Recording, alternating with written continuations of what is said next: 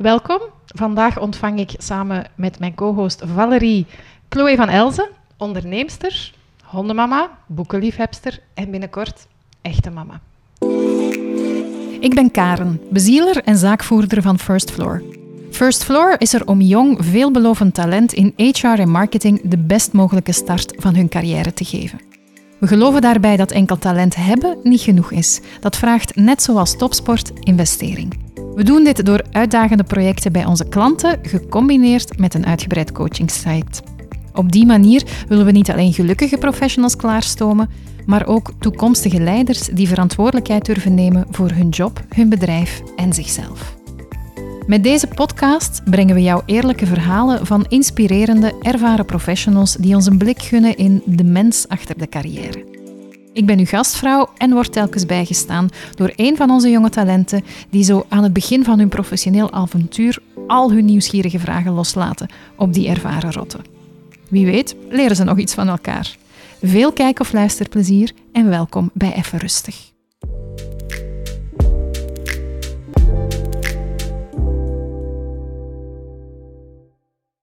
Chloe, leuk dat je erbij bent. Superleuk dat ik hier mag zijn. Ja, Dankjewel. welkom. Ik ken jou eigenlijk alleen maar online. Ja, We hebben Klopt. elkaar online zo wel eens gekruist. En ik, ik weet nog dat ik, dat ik jouw uitstraling en jouw verhalen ontzettend ja, gewoon enthousiasmerend vond. oké, leuk. Ehm, en aangezien dat het toch ook een podcast is bedoeld om jonge mensen te inspireren en jij een heel mooi verhaal hebt, dacht ik van, oh ja, of ik die nu wel in het echt gezien heb of niet, ik ga ze gewoon uitnodigen. Want dat verhaal gaat sowieso fijn zijn. Leuk. Dus, ehm, maar voor wie jou niet kent, wie, wie is Chloe? Wie is Chloe? Ehm, wel, ik heb daarover nagedacht in de auto hier naartoe, van hoe ga ik mezelf omschrijven. Ehm vooraleerst, ik ben 29 jaar, dus eh, tram 3 is al aan het toeteren in de verte, maar eh, we laten die gewoon nog even toeteren. Dat komt allemaal goed. Ehm, ik noem mezelf altijd een creatief strateeg. Eh, ik ben Mhm. heel graag bezig met alles wat creativiteit omhelst en voornamelijk creativiteit met betrekking tot woord. Dus ik eh, schrijf heel graag, ik lees heel graag, ehm, ben heel graag bezig met teksten en, en alles, alles daaromtrent. Ik speel ook improvisatietheater, dus dat is ook een van mijn vele passies. Ehm, en daarnaast dus ook strateeg. Ik denk ook heel graag. Ik ben heel graag bezig met problemen en hoe dat we die kunnen oplossen. Hoe dat problemen opportuniteiten kunnen zijn eh, voor bedrijven, voor eh, ondernemers, eh, Mhm. in plaats van een echt probleem. Ehm, dus ik denk in een Heel nutshell is het, divers. is het Mhm. dat. Ja, het creatieve, het strategische via woord, beeld, taal, Ja, heel een veel. vrouw van de wereld. ja. zeg Valerie, en jij bent de co-host voor vandaag. Inderdaad. Eigenlijk voor jou dezelfde vraag, wie jou niet kent. Wie is Valerie? Ik ben dus Valerie. Eh, dit is mijn eerste weekje bij First Floor. Ik ben eh, gestart als marketing consultant. Ik heb gestudeerd aan de Universiteit van Antwerpen. Bachelor communicatiewetenschappen, master strategische communicatie. Eh, maar tijdens mijn studie ben ik wel een beetje op mijn honger blijven zitten qua Mhm. praktijkervaring en zo proeven van het echte leven. Hè. En, you. Ja, you feel me. Ik vond het verschrikkelijk. En dan ben ik eigenlijk bij First Floor beland via via, via een andere marketing Mhm. consultant die hier al werkte. Het liefje van een goede vriendin van mij. En die zei, ah wel, je moet eens gaan horen bij First Floor, want die werken met starters die eigenlijk nog een beetje zoekende zijn en nog niet 100% op punt staan en weten wat ze willen of Mhm. kunnen. Eh, die dus begeleiding geven en trainingen en coaching enzovoort. Maar die je ook wel een beetje zo een duwtje geven en je loslaten en fouten durven laten maken. Ja. Dus ik dacht, ah, ik ga eens horen. En hier zit ik dan. Een week later Voilà, op haar eerste podcast. de eerste Zo leuk. ever.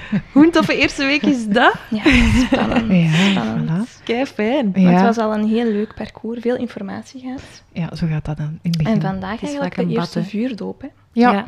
toch een Ja. beetje, maar ça va beetje. Ja, beetje. Ja. Dus ik ben hier ook om Valerie te grillen dan. Dat mag. niet. Dat mag. Spaar mij. Nu, Gaan we proberen. We zijn vooral heel benieuwd naar, naar jouw verhaal. Ja. Ehm, ik had dat op voorhand ook gezegd, van, we lezen allemaal op, op LinkedIn, andere kanalen, heel veel succesverhalen die natuurlijk ook Mhm. op zich inspirerend zijn. En ik denk dat jouw verhaal ook een heel succesvol, inspirerend verhaal is.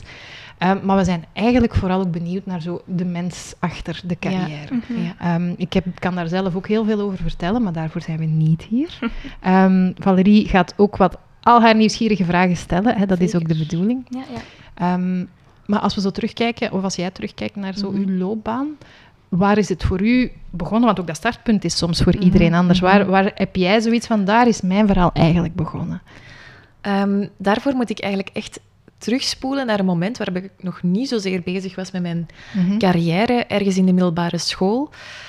Ehm, waarbij ik wel bezig was met wie ben ik Mhm. als tiener en als puber die dat zichzelf zoekt en niet vindt.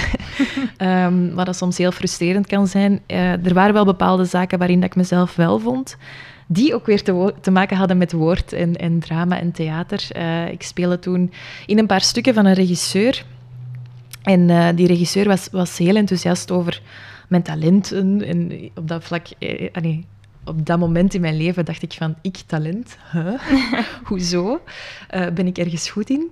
En ehm, die had dan ook een paar... Hij had zelf eh, conservatorium gedaan in Antwerpen en had ook een paar vrienden uitgenodigd om zo'n stuk te komen kijken. En die vrienden waren na het stuk naar hem gegaan en hadden gezegd, die moet in toog houden, die moet je eigenlijk naar het conservatorium sturen. Wat een gigantisch compliment was Ja. natuurlijk. Ehm, en ik had er toen nog nooit over nagedacht van welke carrière wil ik gaan bouwen? Wat is er beyond de middelbare school? Ik zat op een heel streng college, ik deed Latijn, eh, wiskunde toen nog. Ehm, en veel, veel meer dan ik wist, omdat dat van anderen werd verwacht, dan omdat dat effectief mijn Mhm. keuze was. Of, om, of dat mijn talenten daar, daar echt lagen. Ehm, dat is ook niet zo simpel, denk ik, om daarmee bezig te zijn op die leeftijd. Of dat is niet zo'n vraag die dat je automatisch stelt. Van, is dit wel waar ik talenten in wil, wil ontwikkelen? Ehm, Dat is vooral, denk ik, nog de leeftijd. Ay, bij mij was dat zo, dat je luistert naar mama en papa. hè. exact. Die zeggen Ja. van, ga dat maar doen, want dat is goed voor u. En daar kun je later veel mee doen. Ik, achteraf bekeken heb ik mij daar ook heel weinig vragen bij Ja. gesteld toen. En vooral gewoon de mensen rondom je ook. Allee, Ja. uw vriendinnen. Ik, Ja. vo, ik volgde altijd mijn vriendinnen gewoon. Ja, dat is ook zo. Zij gingen dansen, ik ging dansen. Ook al ben ik daar kei slecht in. en ik dacht, ik ga dat toch proberen. En eh, nee, nee, ik ga wel goed worden. Uiteindelijk nooit goed geworden. Maar allee, uiteindelijk, als je gewoon zo wat je eigen ding doet en Mhm. gewoon zo wat de mensen volgt, soms vind je dan ook wel iets. Ja, dat is ook zo. ligt. Het hoeft niet per se, maar het is inderdaad, je omgeving beïnvloedt je daar zo sterk in. En het feit dat je daar bewust mee kunt omgaan, verandert ook al wel heel veel. Want mijn ouders zaten allebei in de zorg. Ehm, ik heb een fobie voor bloed, dus ik ging sowieso niet mee eh, in het dokter-verpleegster-verhaal stappen. Maar ik dacht, ah, psychologie dan is, eh, zal wel mijn pad zijn dan. Eh, terwijl ik voel daar nog altijd wel heel veel voor. Ik vind... ik vind gedragswetenschappen nog altijd ontzettend interessant. Ehm, maar dat was dus zogezegd mijn pad, totdat die regisseur dan zei van, zeg, zou dat niet een mogelijke piste kunnen zijn? Dat ik dacht, hmm, mama, papa, is dit ook iets wat dat voor mij zou... Kan dat echt? Zo gaan vragen van, is dat ook echt iets wat ik, wat ik zou kunnen en mogen? En dan hebben mijn ouders gezegd, nee, Chloe, je gaat eerst een echt diploma halen. Ja. Ook dat, een echt woorden. diploma. Echt diploma. Een echt diploma, ja. alsof er zoiets bestaat als, Als een een, vals echt diploma. diploma, Of een ja. vals diploma, ja. Dus ehm, wat dat echt gek is ook, want mijn papa die wou altijd priester worden. Mhm. En zijn ouders hebben gezegd, nee Filipje, je gaat eerst een echt diploma gaan halen. Gelukkig voor u, hè. Ja, anders was ik er nooit geweest. Hij is dan eh, voor arts gaan studeren en is mijn mama... eh, mama was verpleegster op de, in het ziekenhuis waar hij stage liep. Dus een heel... Oh, eh, love echt story. Grey's Anatomy eh, Ja. verhaal. Ehm, maar dus ja, anders had ik er inderdaad nooit geweest. Maar toch gek dat hij dan alsnog die raad ook aan, aan zijn eigen dochter heeft gegeven. Maar ik ben daardoor wel in een soort van identiteitscrisis geraakt. Want Mhm. ik merkte toen van, oh, eigenlijk is dat echt wel het pad wat ik wil volgen. Mhm. Maar dat mag dat niet, of dat kan dat niet. Dus moet ik dan nu doen alsof ik iemand anders ben, x aantal jaar, en eigenlijk wel een stevige studie nog gaan eh, proberen mij daardoor te worstelen, om dan pas te beginnen doen wat ik graag wil doen. Of iets wat ik, wat ik echt wil, wil kiezen. En dan heb ik dat tegen die regisseur gezegd. En eh, die is toen op café gegaan met mijn ouders. Ja, echt. Die is, eh, we zijn naar een bruin café gegaan in Hoeligem. Ehm, we hebben daar een pintje... Allee, ik geen pintje, denk ik, maar mijn ouders wel, met hem. En hij heeft toen... eh, ja, ik, zou, ik wou zeggen mij verdedigd, maar eigenlijk vooral mijn droom verdedigd. Mhm. Wat dat ik nooit ga vergeten, want dat was voor mij echt zo van... Amai, van een kantelmoment wow. gesproken. Ja, Mhm. echt wel. Dat was echt mega impressionant voor mij. Van, oh, er is iemand die zo hard gelooft Ja, in dat talent. ja. En ik mag daar zelf dan ook in geloven. Want Mhm. dat was... Van, vanaf wanneer gaat je vechten voor iets? Hè? Mhm. Is dat... Zeker op die leeftijd. Ja. Er nog niet zoveel zelfzekerheid. Mhm. Nee, En is dat echt heel zalig om iemand te hebben die eigenlijk al verstaat in dat vak. Ja, absoluut. En Ja. die u dan zegt, maar ik En die daar ook in. wel wat een risico neemt. Ja, ja, absoluut. En het is dat dat mijn ouders dan toch wel de... Dat in combinatie met... Ik ben echt in, naar een psycholoog gegaan in die periode, omdat ik zo worstelde met mezelf Ja. en met, met, met mijn beeld van ja, mijn, mijn ik. Ehm, en die zei daar ook van, het is dat carrièregegeven dat u nu zo in de war brengt. Want het is net omdat daar een hard stop is gezet, dat je jezelf niet meer kunt ontwikkelen Mhm. verder dan dat punt. Ehm, dus zijn die twee zaken die mijn ouders wel hebben doen inzien van we moeten die piste terug openlaten. Whatever happens. Want uiteindelijk, het feit dat je moogt ingangsexamen gaan doen, wil nog niet betekenen dat je Mhm. daar echt Nee. een carrière in gaat, in gaat uitbouwen. Wat dat uiteindelijk bij mij ook is gebeurd, want ik ben ingangsexamen woordkunst gaan doen. Een, eh, een ehm, richting die al het leuke voor mij in deze wereld combineert. het is eh, spreken, schrijven en eh, radio. Dus een superleuke, superleuke richting. Ehm, we zijn die dag met, met 52 mensen gestart. En dan mochten er vijf mensen naar de namiddag, waarom, waar ik bij was. Dus ik was heel, heel blij dat ik naar de Mm. namiddag mocht. Amai, ja. En toen in de namiddag volgden er fysieke proeven. Dus je moet dan sit-ups doen en terwijl Amai. je teksten, Ah. je proza-teksten opzeggen, omdat ze dan willen zien van hoeveel uithoudingsvermogen Ah. je hebt. Ach, Ja, Amai. en die docenten van spraak die bleven maar rond mij cirkelen. Echt zo gelijk aasgieren, zo kijken van... ah, en ik voelde al van, er is iets... Ze zien iets. Zeg nog eens hot tot een tentententoonstelling. Ja, ja, ja, oké. En dan uiteindelijk hebben zij mij eh genekt eh, aan het eind van de, van de race. Dus er zijn twee mensen mogen starten die, van die dag. Ehm, en ik niet, omdat de docenten van spraak dachten dat mijn eh, S-klank nooit in orde zou geraken. Dat die logopedisch on, onoplosbaar was. Er was iets mis mee. Ehm, maar achteraf bleek dat dus totaal niet zo was. Maar bon, ik heb, ik heb de ervaring gehad en dat was voor mij heel veel. Het feit dat ik dat heb mogen proberen, dat daar toch een, een piste eh, lag. En dan die weg zelf hebben mogen, mogen bouwen. Daarna Ja. van, oké, dat was het. Of dat is nu even niet gelukt. Wat dan nu wel? Eh, en ik heb even heel hard geweend op de Ja, heeft je niet drempel. ontmoedigd? N- Niet per se. Ik heb echt, echt wel... Ik herinner mij dat beeld nog zo levendig. Zo die zakdoek van ons papa die dan mij kwam ophalen en zo vol snot en tranen zo op de drempel van het conservatorium. Maar ehm, nee, eh, ik zeg het. Ik denk dat wij in, in een heel... In onze maatschappij zo een angst voor falen hebben. Terwijl dat, dat zo belangrijk Zo is. belangrijk. Daar Ja. leer je het, hè. Ik ben zo blij voor dat falen, want dat heeft mij echt laten ook inzien van... Het is niet omdat het nu even niet lukt, Mhm. dat het nooit gaat lukken. Ja. Dit is gewoon niet uw manier. Dit is niet hoe dat jij er moet, moet komen. En uw talenten blijven uw talenten. Maar die gaat jij op een andere manier waarschijnlijk gaan ontplooien. Mhm. Uiteindelijk, als je in dat verdriet ziet, ziet je dat nog niet. Nee. Maar ehm, daarna absoluut wel. En dan ehm, ben ik eerst ook eh, communicatiewetenschappen aan de UA gaan doen, een jaartje. Maar al mijn vrienden zaten in Leuven. En, Mm. eh, dus ik ging eh, bijna elke week naar Leuven. En dan ben ik mijn tweede jaar naar de KU Leuven geswitcht. En daar uiteindelijk mijn eh, richting afgemaakt in de master bedrijfscommunicatie ook. Ehm, en waarom communicatiewetenschappen dan? Omdat ik eigenlijk dacht, psychologie kon alleen maar doen in Leuven. Mhm. En mijn ingangsexamen was in de zomer. En ik dacht toen, er was ook nog niet zoveel online, was nog niet zo Mhm. super. Nu lijk ik zo gigantisch oud, maar toen was dat nog niet zo heel ge, ge- geïntroduceerd of, of gevestigd. Ehm, dus zo dingen, quote online zoeken en zo, was nog niet echt heel, heel common. Waardoor dat ik dacht, ja, ik ga nooit nog een kot vinden. Al die quotes zijn Ja. verhuurd nu, ehm, dus ik zal maar iets in Antwerpen zoeken. En in Antwerpen kon je geen psychologie doen. Dus dacht ik, oké, als ik nu communicatiewetenschappen ga doen, dat is ook iets wat met media te maken heeft, kan ik misschien ooit nog wel terug naar het conservatorium en kan ik Mhm. misschien ooit nog wel op die manier die, die carrière-draad terug oppikken. Grappig hoe eigenlijk kleine praktische zaken grote keuzes beïnvloeden. hè? Ja. Mega ja, groot. Ja, ja, ja. Want ik heb daar voor de rest niet bij stilgestaan Nee, eigenlijk. En dat is, nee. dat is bizar bijna, hè. Ehm, dus en- Leuven. Ja, dus Leuven. En ehm, wat ik daar vrij onbewust heb gedaan tijdens mijn, tijdens mijn loopbaan aan de universiteit, is dat ik heel veel praktische ervaringen heb opgezocht buiten het academische. Omdat exact wat jij zegt. Valerie, ehm, het is zo er is zo'n gap tussen wat dat academisch en praktisch u Ja. aanleert. Mhm. En ook de manier van leren van, van mens tot mens verschilt ook. Mhm. Ik ben iemand die echt uit het doen heel graag leert en, en, en ervaart en voelt en proeft. Ehm, eerder dan... Ik lees ook heel graag boeken. Ik, ik, ik ben ook echt ja, een boekenfanaat. Ik heb het gezien, dat je 35 boeken al had gelezen tegen oktober vorig jaar. Ja, vorig jaar heb ik er één per week gelezen. Vorig jaar. En nu zit ik aan 31 dit jaar. Ik moet nog aan mijn 52 raken, maar het is door de zwangerschap en zo. Ja, ja, een ja. beetje- Is mijn lezen een beetje Dat naar de eh, tweede plaats ver, eh, versukkeld. Maar, eh, En van waar die, die passie voor boeken?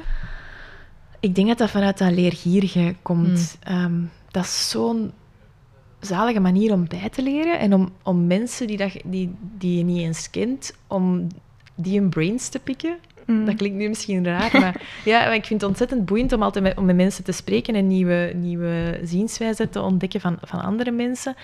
Maar eh, boeken staan nu echt toe om in andere mensen hun, hun Ja. denken te duiken, zonder dat je die per se moet ontmoeten of dat je daar per se een babbel mee moet hebben. En ik lees dus soms ook echt boeken die dat radicaal ingaan tegen wat ik op dat moment denk. Mhm. Of ehm, ja, dingen over, over eh, topics gaan die dat mij per se, niet per se interesseren. Of waar ik niet per se meteen naar zou grijpen. Mhm. Gewoon om mijn eigen denken een beetje uit te dagen. Ja. Van, heb je daar een mening over? Wilt je daar een mening Ja, over ja. vormen? En dat, dat- zo stoot ik op, op super toffe, toffe boeken en inzichten. En ik probeer ook wel af te wisselen tussen fictie en non-fictie. Mhm. Ja, ik ook. Ehm. en wat ik zelf zo leuk vind aan boeken, is dat dat is een van de weinige dingen waar je echt zo nog helemaal u in kunt verliezen. Ja. Ik kan helemaal opgeslorpt worden door een boek. Ja, Veel meer wel. dan door iets online of een serie. Ja. Ik kan helemaal zo, bij wijze Mhm. van spreken, die een boek niet kunnen wegleggen. Ik vind dat, ik vind dat een geweldig gevoel. Zalig. Ja, ik ben bijvoorbeeld dus echt geen boekenworm. Maar ik wil het wel zijn, maar ik heb het precies zo niet in mij of zo. En ik, heel mijn familie die leest, hè. Iedereen leest. En ik heb... Maar ik denk ook, omdat ik zelf niet zoveel vriendinnen heb die lezen, Mhm. Mm. dat je elkaar misschien ook zo niet echt aanspoort. Nee, dat Of is ook zo. De zeven zussen, dat is Ja, ge- ja, ja, ja, ja. vermeld. Goeie Heel reeks. goeie reeks. Ja, ik heb dat boek dus gekregen voor mijn verjaardag. Ik heb misschien Oh, één Zalig dag- ontspanning. Ja. Ja. Ik Zeg- weet, de ene werkdag ben ik echt gewoon drie uur later begonnen, omdat ik een boek, Omdat dat je het Parel was of zo. Ja, omdat Ja, ja, omdat je het niet kan Snel. wegleggen. Ja, herkenbaar. Ja. Ik, ik weet nog de Harry Potter boeken. ehm, Ah ja. toen, ja, dan spreken we ondertussen al over eh 15 jaar geleden. Het is ooit zover geweest, ik denk boek nummer drie, kei spannend met die ontknoping in het derde boek, dat ik die echt had meegenomen, dat ik ergens naartoe moet, op mijn schoot, Zalig. aan het stoplicht. Het is rood, yes, Nee. verder lezen. Echt zo erg. Zalig. Oh. Ja, maar ik vind dat Fantastisch. Zeg maar, Valerie, wat ik eigenlijk wel eh, mij nog afvroeg, je hebt ook communicatie Ja. eh, gestudeerd. Was dat bij jou een bewuste keuze? Of, of wa- was dat daarachter? Of was dat ook zo... Ja, ik heb dus totaal niet zoals, zoals jij middelbaar al zo een, een passie gehad of zo'n een gedachte in mijn hoofd van ah, dat vind ik echt tof of daar ben ik goed in. Dat heb ik dus totaal niet gehad, bijvoorbeeld. Ehm, en dan was het de moment om te kiezen voor mij, welke richting wil ik nu uitgaan. Unif, hogeschool. Eh, hogeschool was eigenlijk geen sprake van bij mij thuis. Ik Hm. weet niet, ze waren van, je moet hoog grijpen, grijp voor de sterren. Mm. Ik dacht, oké, hè, ça va. En eerst wou ik nog rechten doen. Ik ben zo blij dat je dat niet hebt gedaan. Oh my god. Waarom? Want op zich ook, Ja, het ook had een ook, boeiende eh, materie. hè? Dan moest ik nog meer in de boeken zitten, denk ik. Ah, ja. Ik was ook niet een superstudent. Eh, ik was altijd last minute begonnen, maar ik denk heel veel studenten last minute. Mhm. Maar dan heb ik voor communicatiewetenschappen gekozen, omdat dat in het begin, zoals jij misschien ook hebt ervaren, een heel brede richting is. Mhm, mhm. Je kreeg daar ook een, een vakje psychologie bijvoorbeeld en ja. sociologie. Mhm. En dat waren eigenlijk de vakken die mij het meest interesseerden. Ah, ja. Communicatie ook, maar de manier waarop het gegeven werd, vond ik verschrikkelijk. doet zoveel. Ja, Ja, absoluut. ik wil nu niet bashen op de richting communicatiewetenschappen, maar voor mij was het eigenlijk geen hoogvlieger. Ik had er Mhm. meer van verwacht. Ik wou zo, omdat ik zelf gewoon heel zoekende was, wou ik een richting kiezen die mij wat antwoorden zou bieden. Mhm. Ehm, niet gebeurd, of toch niet Mhm. in de mate dat ik had verwacht. Eh, dus dat is eigenlijk gewoon de reden dat ik communicatiewetenschappen ben gaan studeren. Het was een brede richting. Eerste jaar kreeg je heel veel verschillende vakken. Dus ik wou gewoon eens proeven van van alles. Ja. Mhm. En uiteindelijk ja, toch in de richting gebleven, Ja. omdat er waren wel vakken die mij interesseerden. Zo bijvoorbeeld de meer psychologische vakken wel. Ook zo Mhm. consumer psychology. Ja. Vind ik heel interessant. Mhm. Ehm, daarom was ik ook heel excited dat ik u als... Allee, ik mocht co-hosten, omdat jij met Aris in Total een storytelling... Ja, volop op de zaken, maar... Dat is dat Dat mogen een we wel zeggen. Ja. Ja, maar je hebt zelf mogen kiezen, hè, want ze hebben zelf mogen kiezen Ja. bij wie dat ze willen Ah, leuk, hè. leuk. Ik had een voorkeur. Dus ehm, mijn interesses, er zijn wel interesses die ik heb, ehm, maar die zijn gewoon nog niet tot zijn volle Mhm. benut geweest Ja. of zo. Ja, explored. Nog Maar ik denk dat dat ook heel normaal Ja. is. En dat als, de, als je nog zo zoekende bent, wat, wat denk ik 90% van de mensen die een richting starten, Ja. zijn nog heel zoekende. Ik was ook zoekende, hè. ook al had ik al zo een idee van dit vind ik leuk. zoeken. Ja, tuurlijk. Ik heb daar onlangs een post over gedaan op social media. Ik heb gezegd, het leven is een permanent vinden. Ja. Allee, ik- omdat ik gewoon vind, we zijn zo... We moeten dat zelfs niet zoekende noemen, want Mhm. we moeten niet zoeken naar iets. We zijn gewoon onszelf aan het ontdekken en onszelf aan het worden, of meer jezelf worden. En Ja. ehm, ik denk dat, dat als je met die vraag een richting kiest, van ik hoop dat deze richting dat gaat oplossen, dat, ga- dat, is Nee. bijna, dat, dat kan niet. Dat is een vraag die een richting niet kan oplossen. Nee, zeker niet. Een, maar wel een vraag die dat praktijkervaring in mijn ogen Mhm. veel meer kan oplossen Exact. dan een studierichting. Ja, en dat Dus, heb ik eh, nu ook ervaren, want mij, bij, op de UA is er eigenlijk heel weinig mogelijkheid tot stage bijvoorbeeld. Tenzij het een vrijwillige stage is, maar in de eerste jaren was het echt heel veel vakken, dat, dat kon gewoon niet gecombineerd worden. En ik heb wel een stage gedaan uiteindelijk in mijn master en dat heeft mij eigenlijk echt wel antwoorden geboden op wat ik dan liever niet zou willen, Ja, exact. in plaats van wat ik wel zou willen. En wat heb je Maar dan dat gedaan als stage? Of qua jobinhoud? Eh, ik was bij een communicatiebureau aan de Mhm. slag, maar daar heb ik eigenlijk gewoon. Ik had ook te, te hoge verwachtingen. Ik dacht dat ik al direct Mhm. in het team van de strategen mocht mee gaan brainstormen en mijn, mijn zeg mocht zeggen. Eh, ik mocht gewoon mee luisteren. En, en af en toe vroeg ze, en Valerie, wat vind je ervan? Ja. Of, hey, is deze, Mhm. wat denkt u, was dat goed? En ik zeg, ja, ja. Eh, maar dan durfde ik ook niet, allee, ik durfde ook niet zo hard met een Nee, zeg zeggen. Ehm, en veel van echt administratieve zaakjes gedaan. Mhm. Dus Maar was het dan de stage die niet is meegevallen? Of had je daar ook echt een beeld gekregen van zo'n communicatiebureau? Dat, dat, is, dat is niet waar ik zelf wil werken. ik denk dat het communicatiebureau waar ik stage heb gelopen, eh, niet het, allee, dat, dat er verschillende ma- allee, Mhm. manieren zijn om een communicatiebureau te runnen. Mhm, mhm. Die eh, hadden verschillende teams, strategie, creatieve, Mhm. kopie, bla bla bla. En ik wou eigenlijk van alles een beetje proeven. Mhm. Mhm.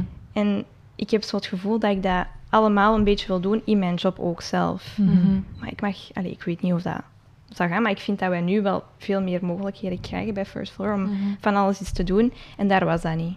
Snap ik. Ik vind dat super interessant dat je dat zegt, want ik heb zelf ook een, een tijd bij een, bij een reclamebureau gewerkt. Eh, ik werk er nu terug voor, trouwens, zo af en toe. Ehm, en en ik, ik heb toen ooit met de CEO gesproken over een soort van traineeship, waarbij dat je effectief eh, alle diensten of Mhm. afdelingen van een, van een agency doorliep. Want dat is ook heel normaal dat je nog niet weet. Het, het leunt ook allemaal heel dicht tegen elkaar aan. Ja. Ik denk dat ik ook op de scherpsnee zit tussen een stratege en een copywriter eigenlijk. Ehm, want ik doe heel graag strategie, maar ik schrijf ook eigenlijk heel graag Mhm. teksten. Dus ik ben, het zijn zo ook vakjes waar je misschien niet Ja, 100% in eentje eh inpast, maar wel die keuze moet maken. En dan, Mhm. Ja, er ik wou die keuze echt, ik wou gewoon van alles een beetje doen. Ik ja. vind dat van alle dingen leuk om te doen. En dan wil ik me niet beperken tot één ding. Bijvoorbeeld als je dan een plannetje uitwerkt, dat je dat aan het handen moet geven van, alsjeblieft, Mhm. Ja, ga maar aan de slag met mijn ideetje. Dat eigenlijk vind ik is gewoon... dat toch ook logisch, dat je zeker in het begin aan je carrière, en, en maar geloof mij, ook daarna nog, nog nieuwe dingen wilt ontdekken en groeien. En ik kom zelf nog van een generatie waar dat als je hè, op vijf jaar tijd nog maar één of twee keer van job waard verandert, dan Ja, waren ja. een jobhopper en dat was echt een scheldwoord. Hè? Ja. Ja, ja, ja. Nu zie ik daar een heel grote evolutie in, Ja. dat, dat het echt normaal is om te veranderen en te Ja. ontdekken. Ik vind dat fantastisch. Ja. Ehm, want wat jij ook zegt, is alleen door ervaring en door dingen te doen en te falen en Mhm. te Ja, ja. voelen wat werkt, wat werkt niet, dat Ja. je tot bij die talenten Ja. geraakt. Hè? Maar ik heb wel het, het gevoel gekregen dat tegenwoordig heel veel mensen in mijn kringen, je hoort succesverhalen en oh, ik heb een promotie gemaakt en dit en dat. En ik als starter, dat ik zo ben van, maar eigenlijk sta ik, allee, nog, Hm? ik wil niet nergens zeggen, maar echt niet zo ver als de rest precies. En dan vind ik dat heel moeilijk om zo te zien wat de rest aan is En ik vraag me dan af, joy. heb Het is je... geen wedstrijd. hè? Ja, ik Ja. weet het, maar toch krijg ik wil het gevoel niet krijgen. En ik weet, allee, ik kan mezelf dat ook wel uitpraten. Mhm, mhm. Maar toch, ja, dan hoort je zo van, ah, ik heb dat gedaan en ik ben naar het buitenland geweest voor die opdracht en bla bla bla bla. Ik snap het. En dan vraag ik me af, ja, als starter, Mm. dat is normaal, maar toch voelt je zo wat, Druk. ja, Ja, het ook gaat in het begin. Of- zeker, zeker. En ik heb... ehm, ik voel nog druk. Hè, ik, zei, ik zei net, ik word volgend jaar 30. en ook al eh, lijkt dat zo heel... Sommige momenten kan ik dat supergoed relativeren. Andere momenten denk ik, ik sta nog niet op de Forbes 30 under 30 list. Eh, wat ga ik doen? Wat moet ik doen om dat nog eh, te halen? Nee, allee, niet dat dat echt een doel is hoor, of zo. Maar Ehm, er zijn anderen die dat er wel op staan, snapte? En dan, dan, is dat, dan, dan zit je daar wel mee bezig van wat hebben zij dan gedaan? Heb ik dan andere keuzes gemaakt? Hebben zij slimmere keuzes gemaakt? Mhm. Ehm, en dat brengt, dat brengt een bepaalde druk. Maar ik denk dat je er heel bewust van moet zijn dat die druk, dat je, dat je eigenlijk alleen maar die druk op jezelf legt. Mm. Ja. Dat er niemand anders is dat die druk op u legt, maar gewoon buiten uw eigen gedachten en uw eigen interne criticus die dat dan tegen u spreekt. Want de vraag is ook, zijn die mensen altijd gelukkiger dan jij op dat, dat is het, moment? hè. En echt waarschijnlijk niet. Mhm. Maar dat, ja, dat is eigenlijk de enigste vraag. Zijn die dan zoveel gelukkiger? Ja. Dat weet je niet. Dus je daarmee ongelukkig? Allee, want je zegt zelf, hè, ik mag superveel doen in deze job. Ik heb de vrijheid om te ontdekken wat ik eigenlijk graag doe. Dan is, klinkt dat als de ideale job voor u op dit moment in uw leven. Op Mhm. dit moment. En Ja. dan is dit een ideale voedingsbodem voor, u, voor uw talenten. En, en wie weet waar het de volgende stap u Mhm. naartoe brengt. Nice. Ehm, Dat is ja. ook wat de bedoeling, hè, om dat eigenlijk eh, te gaan ontdekken. Hè. Ik denk dat dat Mhm. belangrijk is, dat je in het begin durft gaan ontdekken. Ja. Dus als Exact. durven falen, maar Ja. ook durven gaan ontdekken. En, en weten dat er bij ontdekken dus ook hoort van, oké, en dit is het niet. Ja, Ja. ja. En dat is ook, ja, sorry. Nee, nee, nee. Dat is maar. ook zo wat, ehm, het spannende eigenlijk, dat je wel zo wat angstig bent daarover en jezelf een beetje voor de voeten loopt Mhm. om ja, te durven en Mhm. nieuwe dingen te durven doen. Ja, en- tot hiertoe in jouw hè, eerst schoolcarrière, daarna hogeschool, unief, werd je ook, kreeg je bij wijze van spreken ook alleen maar erkenning of waardering of applaus als je het goed deed. Ja. Je moest Mhm. slagen, je moest goede punten halen. Ja. Het stukje falen, ja, je hebt eigenlijk 18 jaar gehoord dat dat iets negatiefs is. Ja. En ik denk dat we daar allemaal soms Absoluut. aan, eh, Mhm. Wat ik een supermooi verhaal vind, is van de, de founder van Spanx, Sarah Mhm. Blakely. Die haar eh, papa zat met haar elke week aan tafel, met haar en haar broer. En in plaats van te vragen, wat is er deze week goed gegaan? Of vertel eens over school en Mhm. wat zijn uw punten op school of zo. Vroeg die, zeg eens één ding waar jullie deze week in zijn gefaald. En als ze niks konden noemen, dan was die papa Hm. niet goed gezind. Dus ze moesten echt zeggen van, ja, ik heb dit geprobeerd of dat geprobeerd. Want als je niks had waar je op faalde, wil het ook zeggen dat, dat, dat je niks significant aan het proberen was. Of dat je Mhm. niks aan het doen was wat eventueel een impact had of zo. Ja. En ik vond dat zo'n mooie zienswijze of Ja. zo'n mooie filosofie van... Probeer maar, jongens, doe maar. En, Mhm. en ga maar op uw bek en laat maar zien hoe, hoe, hoeveel schaafwonden dat je op je knieën hebt ondertussen. Maar ik ben heel blij dat je schaafwonden hebt en dat je Mhm. niet overly protected ergens zit in een, in een hyper eh, onrealistisch Ja. Kokonnetje? Het is echt een heel mooie mindset om te hebben, Ja. want ik vind niet veel mensen hebben Het is ook gemakkelijker gezegd dan dat- gedaan. Hè. Maak maar fouten, faal, maar het gaat heel vaak over hoe dat dan de omgeving of de context daarop reageert. Ehm, en al echt hand in eigen boezem, hè, ook als zelf leidinggevende zaakvoerder zijnde, dat is ook voor is mij soms met tuurlijk. tanden bijten. Tuurlijk. Want ik wil niet liever, maar tegelijkertijd heb je dan natuurlijk ook de druk van klanten en resultaten. En dan denk je, Zeker. Ja. maar, maar oké, ja, goed. Vanaf dat er geld en relaties mee gemengd zijn, is dat Ja. heel anders hè, dan, dan een eh, tienjarige die dat een eh, eikelstandje heeft proberen openen. En Of geen, eh, limonade maakt. ja, voilà. Dus dat, eh, dan zijn de risico's ook veel hoger. Hè, maar, zo. Maar zeg, Chloe, we gaan terug naar uw verhaal. ja, Dus Leuven, daar gaan studeren. En Ja. je merkt, ik ben toch iemand die graag vanuit het doen, vanuit de ervaring, het academische, tof, maar... Hè, en afgestudeerd? Of zijn er daar nog... absoluut. Ik ben afgestudeerd eh, bedrijfscommunicatie, eh, maar ik wist totaal nog niet wat ik ging doen. Hmm. Exact zoals jij, Valerie. Ik had Mhm. stages gedaan, voornamelijk om te ontdekken wat ik niet wou. Ja. Eh, eerder dan ontdekken wat ik wel wou. Ik had bij de VRT op de redactie van Ketnet stage gelopen. Ik had bij Public eh, in PR-kantoor van Jeroen Wils stage gelopen. Ehm, ik, heb, ik was bij Radio Scorpio, een lokale nieuwszender, was ik eh, nieuwsjournalist en nieuwsanker. Dus daar heel veel dingen mogen ontdekken ook. Ehm, maar ik had nog geen idee. Ik, ik Mhm. wist wel van media, mm, Mhm. toch niet zo. PR, En waarom niet? ik vond dat toen ehm, een heel vijandig, vijandige omgeving. Mhm. Ik voelde heel veel dat eh, de moment dat ik daar was, dat mensen ehm, iets hadden van die gaat mogelijk onze job inpikken of zo. Mm. Ik weet niet of dat ook de, de arbeidsmarkt op die moment was die dat extreem onzeker was, of er waren ook maar x aantal beperkte plaatsen bij eh, VRT, open, bij eh, openbaar omroep.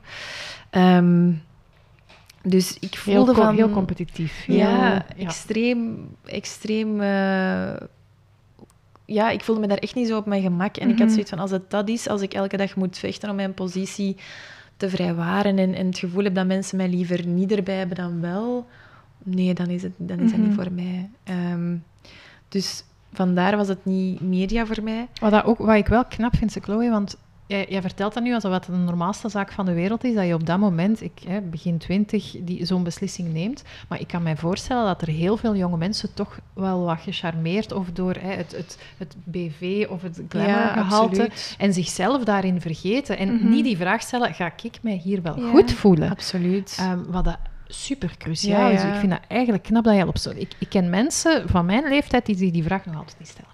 Ja. Dus ik vind dat heel knap dat je dat al zo vroeg voor jezelf kon uitmaken en toch een vrij populair aantrekkelijke wereld om die reden hebt. Ja. Ja, absoluut. Maar ik denk dat, er, ik, denk dat ik er niet omheen kon hoe Mm. ongelukkig die, die wereld of die, die sfeer mij soms maakte. Er waren echt eh, dagen dat ik zo onzeker thuis kwam Mm. en dat ik daar echt ehm, ja, moeite had met mij op te peppen om de volgende dag toch terug, kom aan, hè, we gaan toch terug pro- proberen. En dat ging over... ehm, want op zich, mijn werk vond ik super inhoudelijk, vond ik Mhm. super tof. Eh, dat, dat was echt heel leuk om te doen. Maar ik zeg het, is echt gewoon de sfeer waarin dat, dat je opereert, die dat soms zo... ehm, dat was een manier van omgaan met elkaar. En sommige mensen die dat daar wel vast werkten, konden daar heel goed mee om. Hè. Die waren daar, je voelde dat dat was, dat was zo tough love. Mhm. En ehm, sommige mensen konden daar, die thriveden daarin, maar bij mij was dat niet. Ik had niet de mindset of de, de veerkracht op dat moment om daarin te, te blijven staan. Dus dan was dat voor mij zo, oké, doen. dit is niet voor mij. Oké, en dan? Ja, ik had dus geen idee. En mijn toenmalige vriend die ging Erasmus doen in Kopenhagen. En die zei van, ja, eh, wat als je zou meekomen Mhm. naar Kopenhagen? En ik had zoiets van, goh, ja, eigenlijk, why not? Ik weet totaal nog niet wat ik wil doen. Al ga ik daar in een, eh, in een koffiebar werken, heb ik toch nog een half jaar of zo de tijd om, om mezelf wat te, te ontdekken Mhm. ehm, en te zien. Maar ik had wel de intentie van, ik ga iets zoeken binnen marketingcommunicatie Ja. in Kopenhagen. Eh, maar heel veel mails, die ik een half jaar op voorhand al bezig was met, met dat half jaar Kopenhagen. Extreem veel applicaties gedaan, eh, via via op LinkedIn mensen die misschien een connectie hadden met Maersk of Coca-Cola en, en allee, zo de, inter- de grote internationals die dat daar zouden kunnen zitten. Ehm, en dan kwam ik altijd van een kale kermis thuis, omdat ik geen Scandinavische taal sprak. Dus oftewel Zweeds, Noors of, eh, of Mhm. Deens moest je dan spreken. Dus dat was heel jammer. Ehm, en dan heb ik, ben ik echt naar daar getrokken met het idee, we'll see. Que sera, sera. en eh, we, gaan, we gaan gewoon, en al, al werk ik bij een koffiebar, het zal een ervaring worden. Mhm. En in de eerste week dat mijn ex-vriend startte aan zijn, aan zijn business school, hing daar een papier in de gang, looking for a Dutch-speaking intern.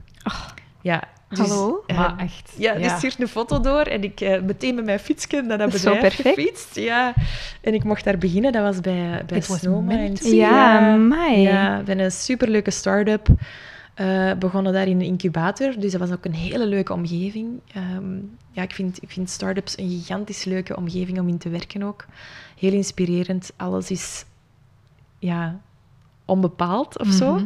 En heel tijdelijk. Dus iets kan morgen er heel anders uitzien. En voor sommige mensen brengt dat veel angst en onzekerheid. Ik wou net zeggen, ook daar moet je in passen. Hè? Want, Exact. Want zeker zo de laatste jaren zijn start-ups heel hip en trendy Ja. geworden. En we merken ook heel veel jonge mensen die... eh, wij zijn nu ondertussen eh, vijf jaar, dus niet meer echt start-up. Maar ik weet die eerste twee jaar, oh, en zo tof bij een start-up. Dan moest ik mij altijd zo wat inhouden om te zeggen, ja, wacht maar. Want dat is niet Ja, alleen ja. maar roze geur en maneschijn. Dat Nee, is exact. zoeken veel Ja, mogelijkheden, maar ook wel chaos. En inderdaad, wat dat vandaag zo is, kan morgen helemaal anders zijn. En niet iedereen kan daarmee om. Nee, zeker. Nee, en hetzelfde bij een, bij een agentschap. Niet iedereen is gemaakt om, om, aan- om aan bureauzijde te werken. Eh, ook dat is chaos en heel veel druk. En, en voor klanten werken is, is heel anders dan Mhm. bij een klant werken Mhm. of aan de klantenzijde werken. Klopt. Ehm, ik denk dat daar wel een tweeledigheid is, of dat je... Of, oftewel ligt het ene meer, oftewel Mhm. ligt het andere meer. Dat je meer client-side of service-side of startup-side. ligt dan iets meer bij service-side voor mij, Ja. qua gevoel. Ehm, en dat kunnen ontdekken is ook wel een hele belangrijke. Want ik denk dat inderdaad heel veel mensen denken... Startups, graaf en we gaan naar een, eh, een eh, bureau hebben met een pingpongtafel en, Ja. bier elke vrijdag. En, eh, dat was ook zo, hè? Dat was ook, en dat was ook schnaps, want het was eh, in Denemarken, dus het was echt, echt zalige, zalige afterworks en echt een familie zo, familiegevoel in die, in die start-up. Ehm, maar dat is gewoon niet iedereen gegeven. Soms heb je structuur nodig. Mhm. Heb je liever dat je weet wat je, je taak inhoudt en vind het niet leuk als je daar buiten moet gaan. Of als je niet eens weet wa- waar beginnen en waar eindigen. Het is Dus, ook eh, vaak gewoon keihard werken in een ja. start-up, hè, waar dat er eh, heel veel dromen en plannen zijn, maar vaak nog weinig budget. Ja. Dus dat, dat zijn ook de omgevingen waar dat er gewoon keihard gewerkt moet worden. Absoluut. Ja. Het was eh, meermaals met zo Indische afhaalmaaltijden Ja. aan de bureau zitten tot 12 uur s'nachts, want er moest nog iets live of er moest nog een, een go-live van een website of van een feature of weet ik veel wat.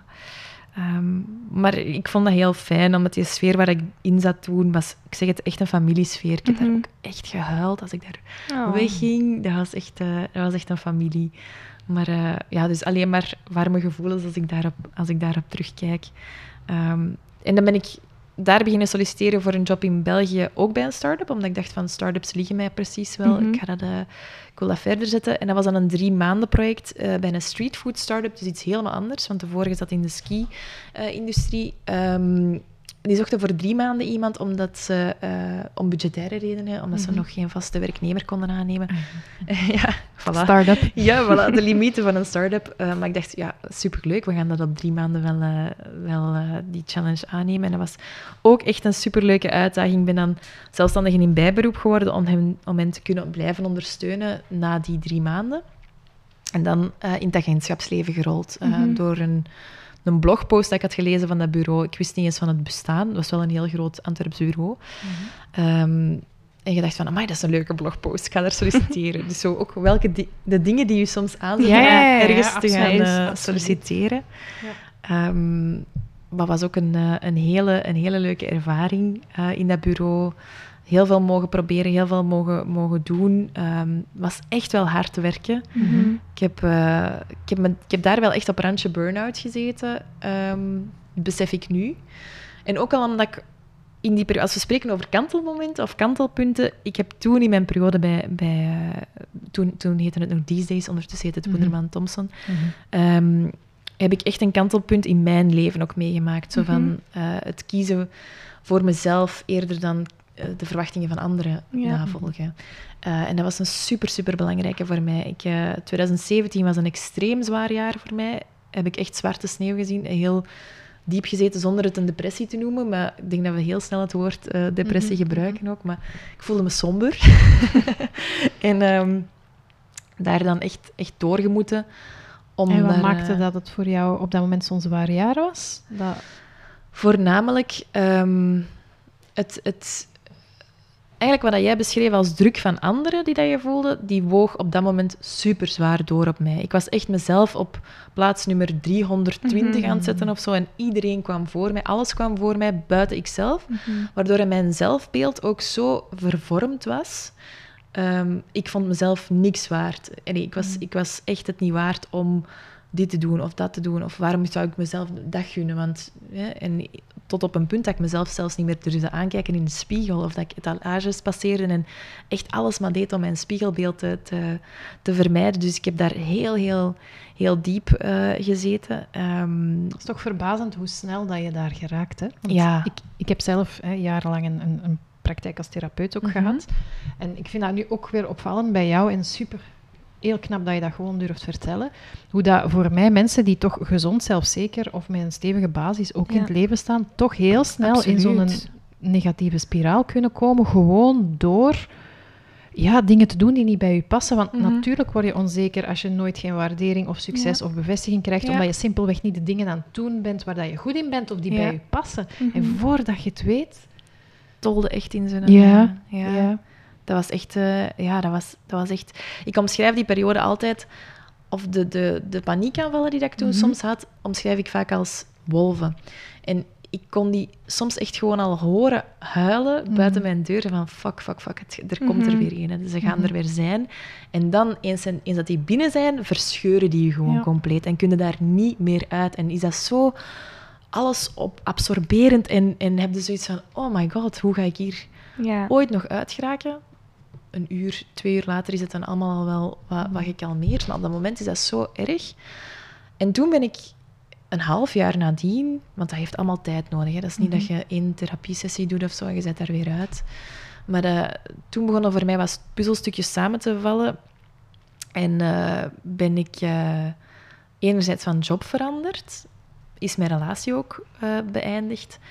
En toen, 2018, heb ik ook beslist van, dat wordt mijn jaar. ik ben dat ook echt beginnen roepen overal. Ja, echt manifesteren. Echt. Ik heb toen ook van mijn, mijn therapeuten, had toen een van de eerste boeken die dat zij had gegeven, was The Secret. Ah, Eh, ja, ja, ja, ja. Dus het, eh, ik heb het ook een, een deel eh, gemanifesteerd, denk ik dan. Ehm, maar 2018 is ook echt mijn jaar geworden. Dat is echt ongelooflijk. En ik noem dat mijn Phoenixjaar, want ik ben echt even moeten... Ja, eh, ben verrast geweest om dan Mhm. terug daar, daaruit, in die, uit die assen mezelf terug te vinden. Mhm. Ehm, en echt voor mezelf te durven kiezen en niet meer te gaan voor wat andere mensen van mij verwachten of wat ik dacht van dit zal toch wel beter zijn voor de compromis of nee, je moet echt niet, je moet niet settelen voor iets wat dat niet als u voelt.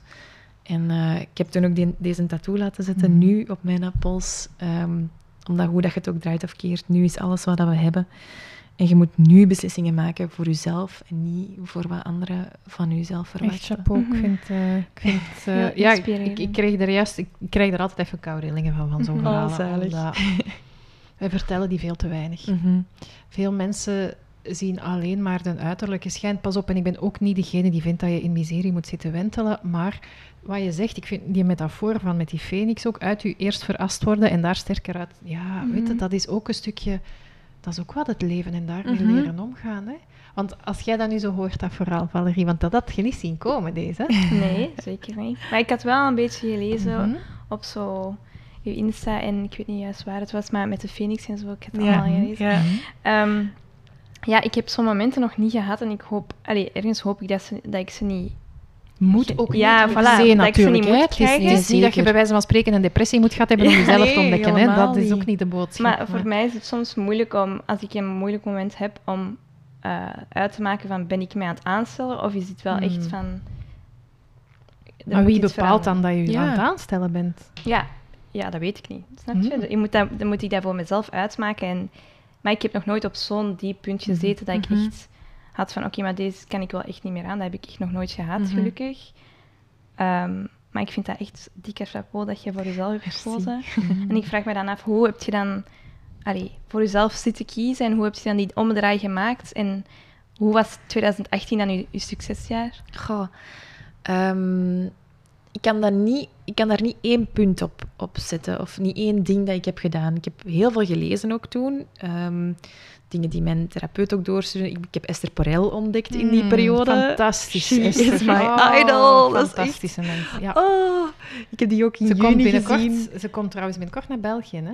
Ah, terug? Ja, ja, ja, ja, nog eens. Ah. Ja. Ja, ik heb ze juist gezien op de Generation Wow Conference in, in juni. En ah, ik was zo blij dat ik haar gezien heb. Dat is echt Starstruck. Ja, ja, maar echt. Die heeft mij zoveel inzichten gegeven over interpersoonlijke communicatie. Ja. Dat, is een, dat is een podcast over Ja. koppels die, Mhm. die spreken. eh, we kern een begin? relatietherapeut, maar eigenlijk gaat Mhm. dat veel verder dan dat. Ja. Ze heeft twee podcasts, super interessant. Where Should We Begin? Waarbij zij, waarbij zij live eh, couples therapy streamt. Mhm. En housework, over eh, ja, werkrelaties, co-founder relaties, Ja. maar ook vaak eh, Mhm. collega's en eh, koppels die met werk struggelen tijdens de pandemie bijvoorbeeld. Ehm, ja, super, super interessant. Dus het zijn zo'n paar inzichten dat ik hier en daar heb gesprokkeld door, eh, door mensen, met mensen te spreken, door boeken te lezen, door podcasts te luisteren, door gewoon open te staan voor hoe kan ik mijn leven nu inrichten zoals ik dat wil Mhm. en hoe kan ik gelukkig worden? Ja. Wat is het recept voor geluk? Ik heb dat zo'n beetje... Ik heb daar ooit ook eens iets over geschreven, waar ik zei, ik heb geluk ontleed als, als een kikker tijdens een biologieles of zo. maar, dus, ehm, ja, echt gaan zoeken van wat is nu, wat, wat maakt geluk. En gezien ook hoe dat ik mezelf soms saboteerde om gelukkig te zijn. Ja. Een van die lessen bij mij was ook... ehm, allee, ze zeggen vaak van, when life gives you lemons, make lemonade. Mhm. Maar soms ehm, geven mensen u suiker om uw limonade wat zoeter te maken. En denk je toch dat het nog citroenen zijn. Wat ik me- daarmee bedoel is, je kunt zo soms complimenten krijgen en die zelf beginnen downplayen. Ja. Zo van, Chloe, dat was echt een goede presentatie. Ja, maar ik heb me Ja, echt niet voorbereid Ja. zoals ik wou. Of Ja. ik, heb, ik heb daar toch uh gezegd drie keer. En ik Mhm. heb, ja, ik had, bij die slide had ik nog één ding bij. En dus heel dat compliment daarmee is weggevaagd. Ja. In plaats van dat je even in het moment zegt, ah wel, merci, dat doet mij deugd. Maar dat is het, hè. Ja. ja, Dat is gewoon een hele simpele oefening dat ik heel vaak inderdaad aan, aan, aan mensen ook gaf. Als je een compliment geeft, één, nee, je moet er geen teruggeven dan, want dat zijn we ook vaak Ja. om dan zo Ja. zelf terug een compliment... Nee, eigenlijk moet je alleen maar dank u zeggen. ja. En, en als dat moeilijk is, dan zeg ik zo van, ja, beeld u in dat iemand u letterlijk een fysiek cadeautje geeft ja. en dat jij dat dan gewoon zo poef weggooit en over iets anders begint of... of dat, dat, dat zou ook raar zijn. En als zelfs mensen complimenten, je hebt gewoon dank u te zeggen. ja. Exact. Maar waarom hebben mensen het daar zo moeilijk mee? Ja. Ik heb het er zelf ook wel moeilijk mee, hè, want... Ja, dat is zo precies... Ah, ik verdien dat niet, of zo. Ja, maar daar zit het. Ja. Hè? Dus dat is het antwoord op uw vraag. Hè? Omdat je ergens gelooft van... Ja, Zo, ja, het kan beter, of zo. ja, ja. Oké. Maar dat is jezelf, ja, in de voet schieten, hè. Ja. exact. Voor een stuk wel. Dus, kantelmoment. Ja. Kantelmoment. Eh, dan heb ik nog een... eh, dus mijn, de job die ik verwisseld ben, ik ben dan naar Efteling gegaan. Een Mhm. merk waar ik al sinds mijn 16 jaar voor wou werken. Want, my god, de Efteling. I love it. Ehm, maar dat was dus voor mij klantenzijde. Ja. En dat was, eh, dat was geen match. Jammer genoeg. Hoe, hoe hard het merk ook matchte met wie dat... eh, met alles wat ik leuk vind, verhalen. eh, Want welke, welke rol had je daar dan? Marketingmanager voor. België en Frankrijk was mijn rol daar. Ehm, dus ik heb dat twee jaar gedaan. En ehm was echt een toptijd. Ik vind Efteling ook een gigantisch mooi merk om dingen van te leren op, op HR-vlak. Eh, trouwens, over hoe dat we met mensen... allee, zowel HR als marketing eigenlijk... eh, eh, zijn zij super, super sterk in, in merk bouwen, maar ook een bedrijf bouwen, Mhm. waar dat mensen graag voor werken. Het is trouwens een NGO, iets wat dat niet veel mensen weten, maar zij, eh, zij, zij werken vanuit een stichting Natuurpunt. Dus- En wat maakt dat ze zo goed zijn voor uw mensen ook? Want dat vind ik dan uiteraard ook weer interessant. Tuurlijk. Ehm, wel, zij hebben een heel helder verhaal. En dat brengt mij bij mijn huidige Ah, job. Kijk eens aan. Ehm, dus met Aris in Total kijken wij ook naar hoe dat, wat is het verhaal van een bedrijf. En ehm, bij de Efteling is dat super, super helder. Zij zijn ook ontstaan vanuit een heel duidelijke missie. Mhm. Eh, wij willen mensen laten ontsnappen aan de waan van alle dag. Mhm. Dus zij zijn opgericht in een regio ehm, in Brabant waar dat toen een leerlooierij was. En werken in een leerlooierij is super hard. Dat is letterlijk lappen leer in urine van dieren eh, wassen. Dus zij wouden een, ehm, een plek creëren waar dat mensen aan die noeste arbeid even konden, konden ont- ontsnappen. En dat werd dan een park waar dat dan ook het Sprookjesbos in kwam. En eh, een sportpark was het eigenlijk eerst in, in het begin. Maar die missie blijft nog altijd wel gelden. Dus het blijft nog altijd mensen laten ontsnappen aan de waan van alle dag. Eh, en hoe dat we dat doen is... Ik spreek nog altijd in we. is ehm, door in betovering. Hè. Mensen gaan verwonderen. En de mensen binnen de Efteling worden zo meegezogen in dat verhaal. Als je start bij de Efteling, krijg je in de eerste maanden een cursus, een betoveringscursus, waarin dat je het verhaal van de Efteling meekrijgt, eh, maar ook betoveringstools. Dus hoe kan ik als werknemer meewerken aan dat verhaal? Of dat jij nu kaartjes aan de inkomst scant of ehm, op de knop drukt bij de Python of op het kantoor zit en de eh, HR mee eh, doet en regelt.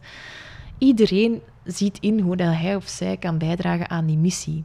En dat maakt werk heel zinvol. Eh, of dat je nu ja, toiletdame bent of niet, ook jij kan voor mensen een, een, Ja, een, een betovering, allee, of een, een dag betoverend maken of niet. Ehm, dus je wordt meteen vanaf het begin in- meegezogen in dat verhaal.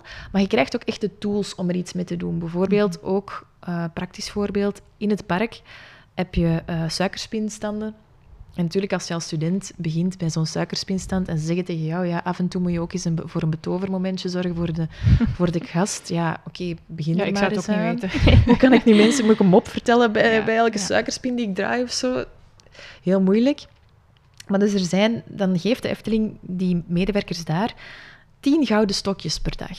Mhm. En jij mag zelf als medewerker kiezen welke gast vind ik nu de moeite waard? Of, of Ah, zie ik nu ja. dat zij zo'n gouden stokje kunnen, Kunnen gebruiken?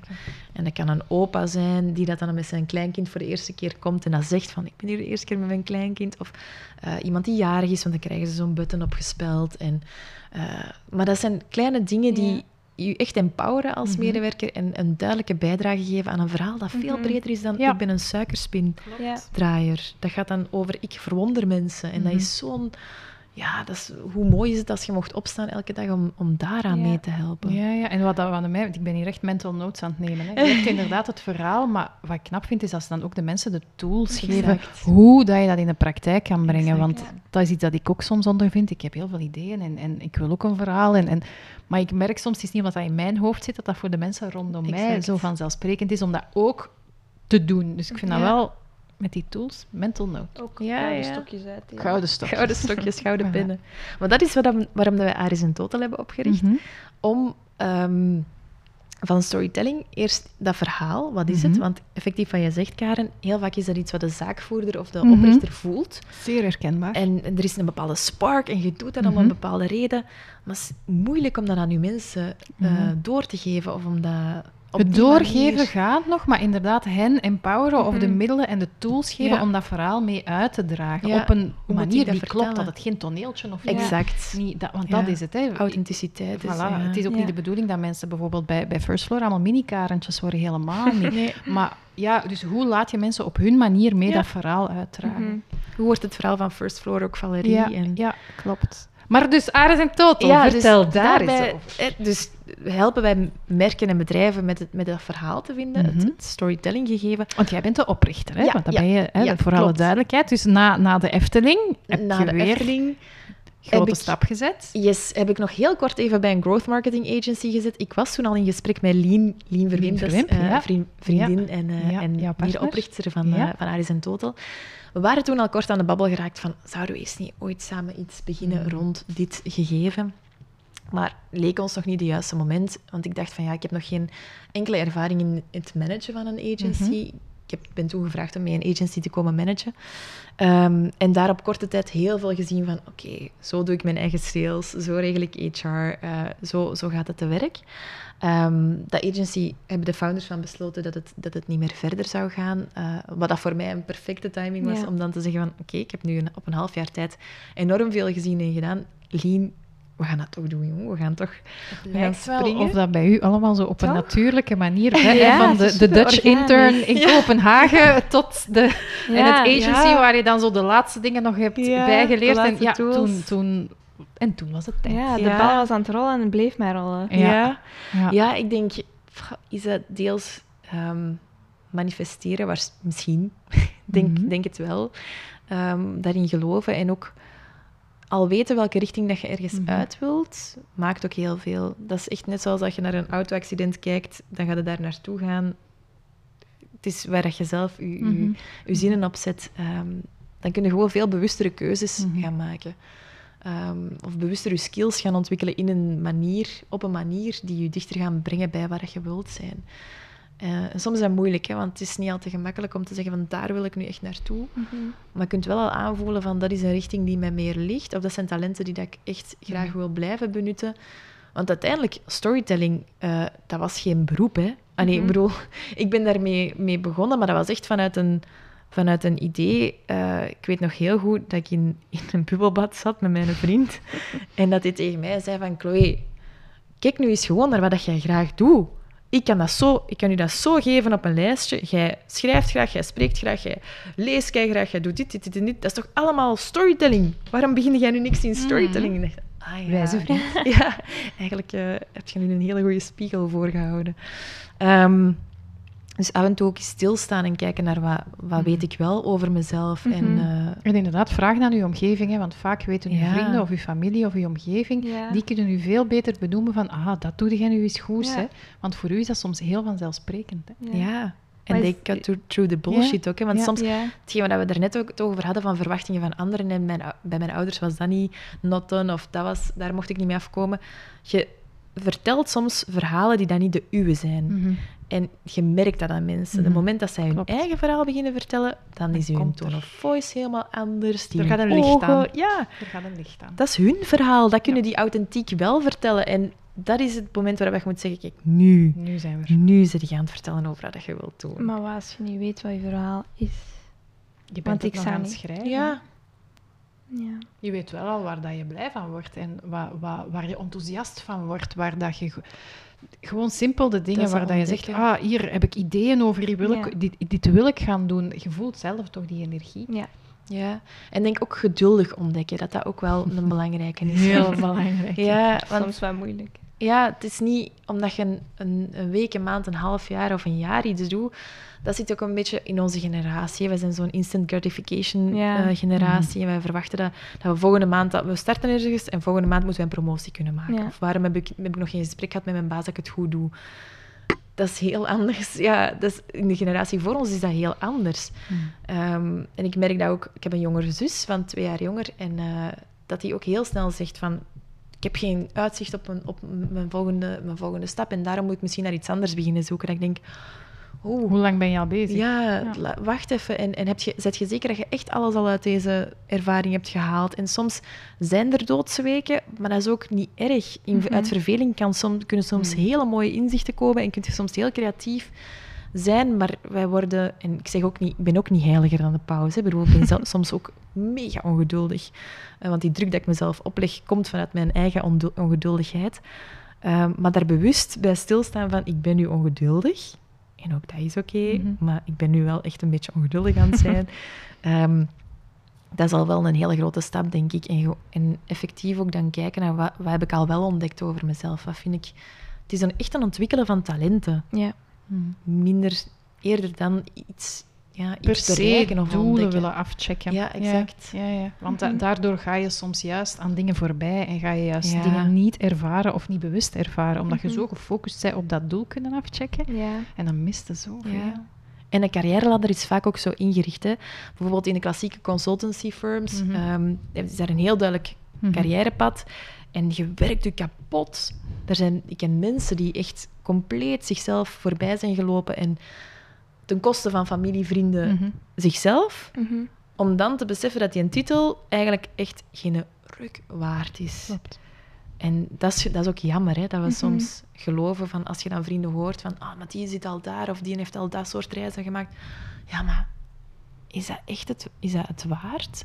Is dat, is dat ja, Voor jou op dat moment. Hè? Want wat, wat die titel Ja. waard is, uiteindelijk het enige dat telt, is die titel iets waard voor mij. Ja, exact, exact. En al hetgeen dat ik daarvoor opgeofferd heb, ja, klopt dat met hetgeen dat ik daar dan nu Ja. uiteindelijk mee in mijn hand...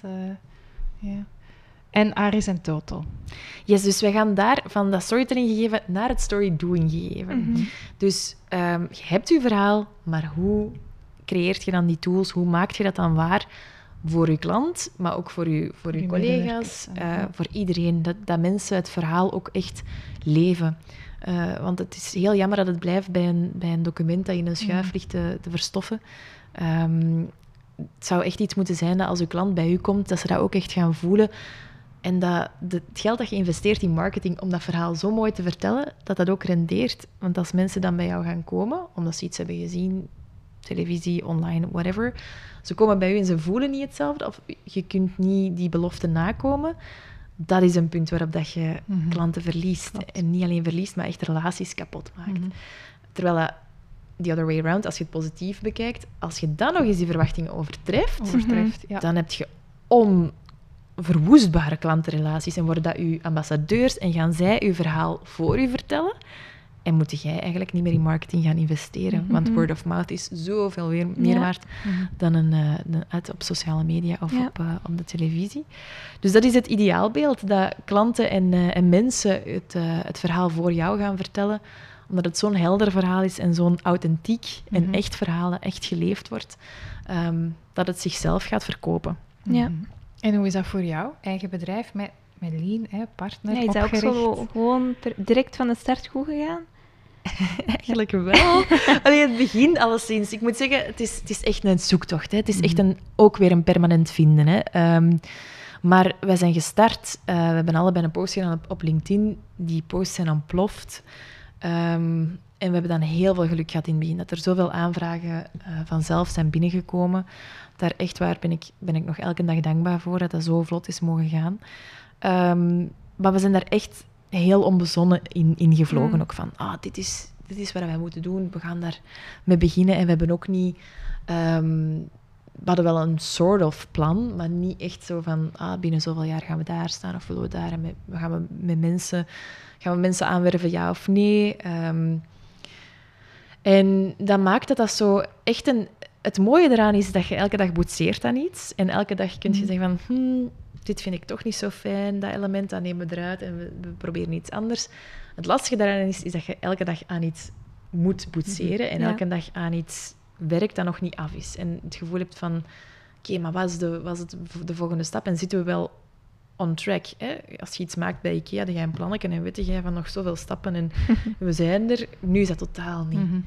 Ehm, dus het is, ik denk ook dat dat het, het mooie en het, eh, allee, de pro's en cons van ondernemen Mhm. samenvat. Eh, het is een gigantische vrijheid die dat zalig is, maar het is ook een gigantische onzekerheid die dat soms ehm, heel beangstigend is. Ja.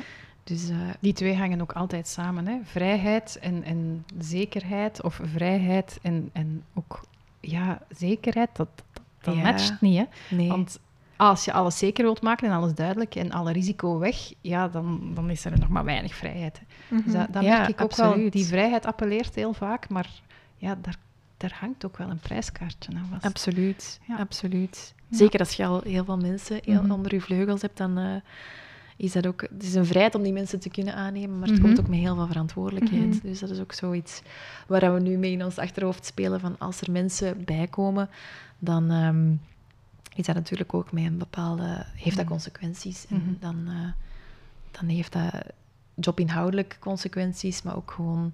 Dan kun je niet morgen zeggen van we stoppen ermee of we, we, Mhm. we gaan iets compleet anders doen. Of we hebben nu goesting om eh eens een half jaar in, in- samen in het buitenland te gaan werken en we gaan dat doen. Oh. Dus ehm, dat is... eh. Ja. Want jullie zijn in juli, bestonden jullie één jaar? In april. Ja, In april al? Ja, ja, ja, ja, we zijn nu anderhalf ben, jaar eh, bezig. ah. ja. Amai, Ja. Ja, Ja. Maar van waar kwam de naam eigenlijk? Eh, ja, daar hebben we dus lang over... Allee, lang, bon, een paar uur over gebrainstormd. Er, er gingen honderden post-its op een muur. En we geraakten er niet uit. En een van de post-its die op de muur hing, was Aristoteles, eh, die dat wij... Of ja, niet alleen wij, wordt beschouwd als de grondlegger van storytelling, omdat hij met Mhm. ethos, pathos, logos Ja. eh, is gekomen. En ehm, ja, die ging dus op de muur. En Lien woont in Bilze. Ik woon in Elewijd, dat is een rit van een uur en een kwart. Eh, en ik zat in de auto terug naar huis. We hadden dus nog geen naam. Maar ergens tussen eh Bilze en Elewijd bel ik Lien en zeg ik...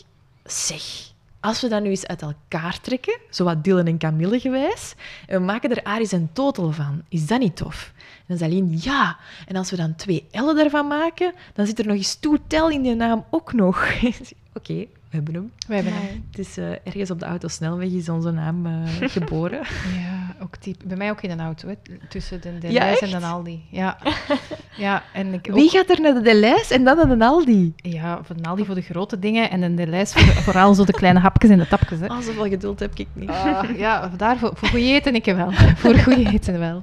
En ook al heel veel over zitten brainstormen en doen en het kwam maar niet. Maar ik zei, ik zeg, het gaat wel komen. En ik rij onderweg in het weekend naar de supermarkt, van de ene naar de andere. En ik passeer een bouwwerf. En, ik, en ineens, het eerste verdiep, first floor. Ah, zalig. En heel vaak onder de douche, in de auto, zo op die, die, die Ja, ja. typische momenten komt er dan zo Ja. ineens, als je brein even in rust gaat. Ja, En dan ineens komt er iets. Hè. zalig. Ja. Leuk. Zeg, en naar de toekomst nog eh, grote plannen en dromen? Natuurlijk komt daar privé ook een Ja, eh, heel eh, groot het project is, dat is echt zot hoe dat... ehm, ja, dus ik ben zwanger van een zoontje. We verwachten die in januari 2023. En ehm, dat is zot hoe dat, dat terug jezelf een beetje katapulteert in een Mm. herevaluatiefase. Van wat wil ik dan daarna? Mhm. En ik kan nog niks voorspellen vo- over hoe dat hij mij gaat veranderen. eh, want ongetwijfeld gaat hij mij veranderen. eh, maar hoe? En, want ik ben ongelooflijk ambitieus. Eh, ik, ik werk heel graag. Ik ben gewoon super graag bezig met wat ik, wat ik doe. Mhm. Ehm, en ik stel mezelf dan de vraag, gaat dat veranderen? Ga ik, eh, gaat er iets anders komen waar ik liever mee bezig Mm. ben? Dus dat is zo nog een groot vraagteken. Ik betwijfel het, hè. Maar het kan. Het kan zomaar. Of er zal Laat het ons weten, hè, want Ja. nu ben ik Mhm. ook heel nieuwsgierig. Ja, Ja. Dus, ehm, maar alleszins, eh, ik wil zeker blijven doen. Ik blijf eh, gebeten door alles wat Mhm. met storytelling en storydoing te maken heeft. En daar wil ik zeker mijn verhaal in, in verder Mhm. schrijven. Dat, is, dat is zeker. Ja. Dus met of, met of zon. Allee, het zal met hem zijn, hè, maar eh, hij mag daar ook zijn, eh, zijn deel in zijn. Ehm, Ik vond alleszins eh, een, een heel inspire- letterlijk echt een heel inspirerend verhaal. Wat mij vooral bijblijft, is hoe dat je echt op bepaalde heel belangrijke momenten heel bewust voor jezelf kiest. Mhm. En ook weet, ehm, dat past bij mij, dat niet, dat is voor mij belangrijk, dat Mhm. niet. En daarin ook durft vertrouwen op, op je ervaring op dat moment, op hetgeen dat voor je goed voelt. En, en ik vind dat heel knap, want ik ken heel veel mensen die dat zelfs op latere leeftijden nog steeds niet durven. Het is ook Mhm. niet als vanzelfsprekend. Dat blijft mij absoluut bij. maar het heeft mij ook een phoenixjaar gekost om dat Ja. te durven. Hè. Dus, Ja. eh, Ja, ja Ik maar soms het vroeger kost, ook waardevolle niet. dingen kosten soms iets. hè. absoluut. Ja. Absoluut. Klopt. Zeker. Ja, het verhaal dat je tot nu toe voor jezelf hebt geschreven is eentje om u tegen te zeggen. Dank u. Wat is u zo bijgebleven? Dat ik vooral voor mezelf een beetje minder druk moet leggen en gewoon een beetje moet afwachten. Mag, mag, Mag. mag afwachten. Ja. Mag minder Mag, druk mag. leggen. Geen moeten. Mag, Ja, mag, voilà. mag. Alles mag. Niks moet, alles mag. Ja. Even rustig. Ja, Ja. het Ja. komt wel. Het komt goed. ja, Maar ja, de start van alles is een beetje spannend. maar dat is ook logisch. Voilà. De start, het begin is het begin. hè. Ja. En dat, eh, met al hetgeen, de kansen dat daarbij komen kijken, maar ook wel de zenuwen en de spannende Mhm. dingen. hè. En het komt wel goed. Sowieso. Met of zonder tegenslagen. Absoluut. Absoluut. Absoluut. Dat is Ja. zeker. Had jij nog vragen dat je zegt van, ah, dat wou ik echt nog weten? Of, eh, Wat zou jij aan uw zoontje zeggen als hij aan zijn eerste job gaat beginnen? Oh, dat is de moeilijke. Toch? Ik vind dat ook wel een moeilijke. Ehm, goh.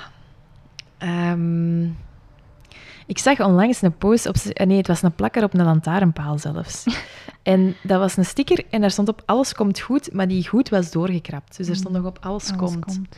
En ik vond dat zo mooi, want dat is eigenlijk wat het is. Alles Mhm. komt en je kunt er eigenlijk niks aan veranderen.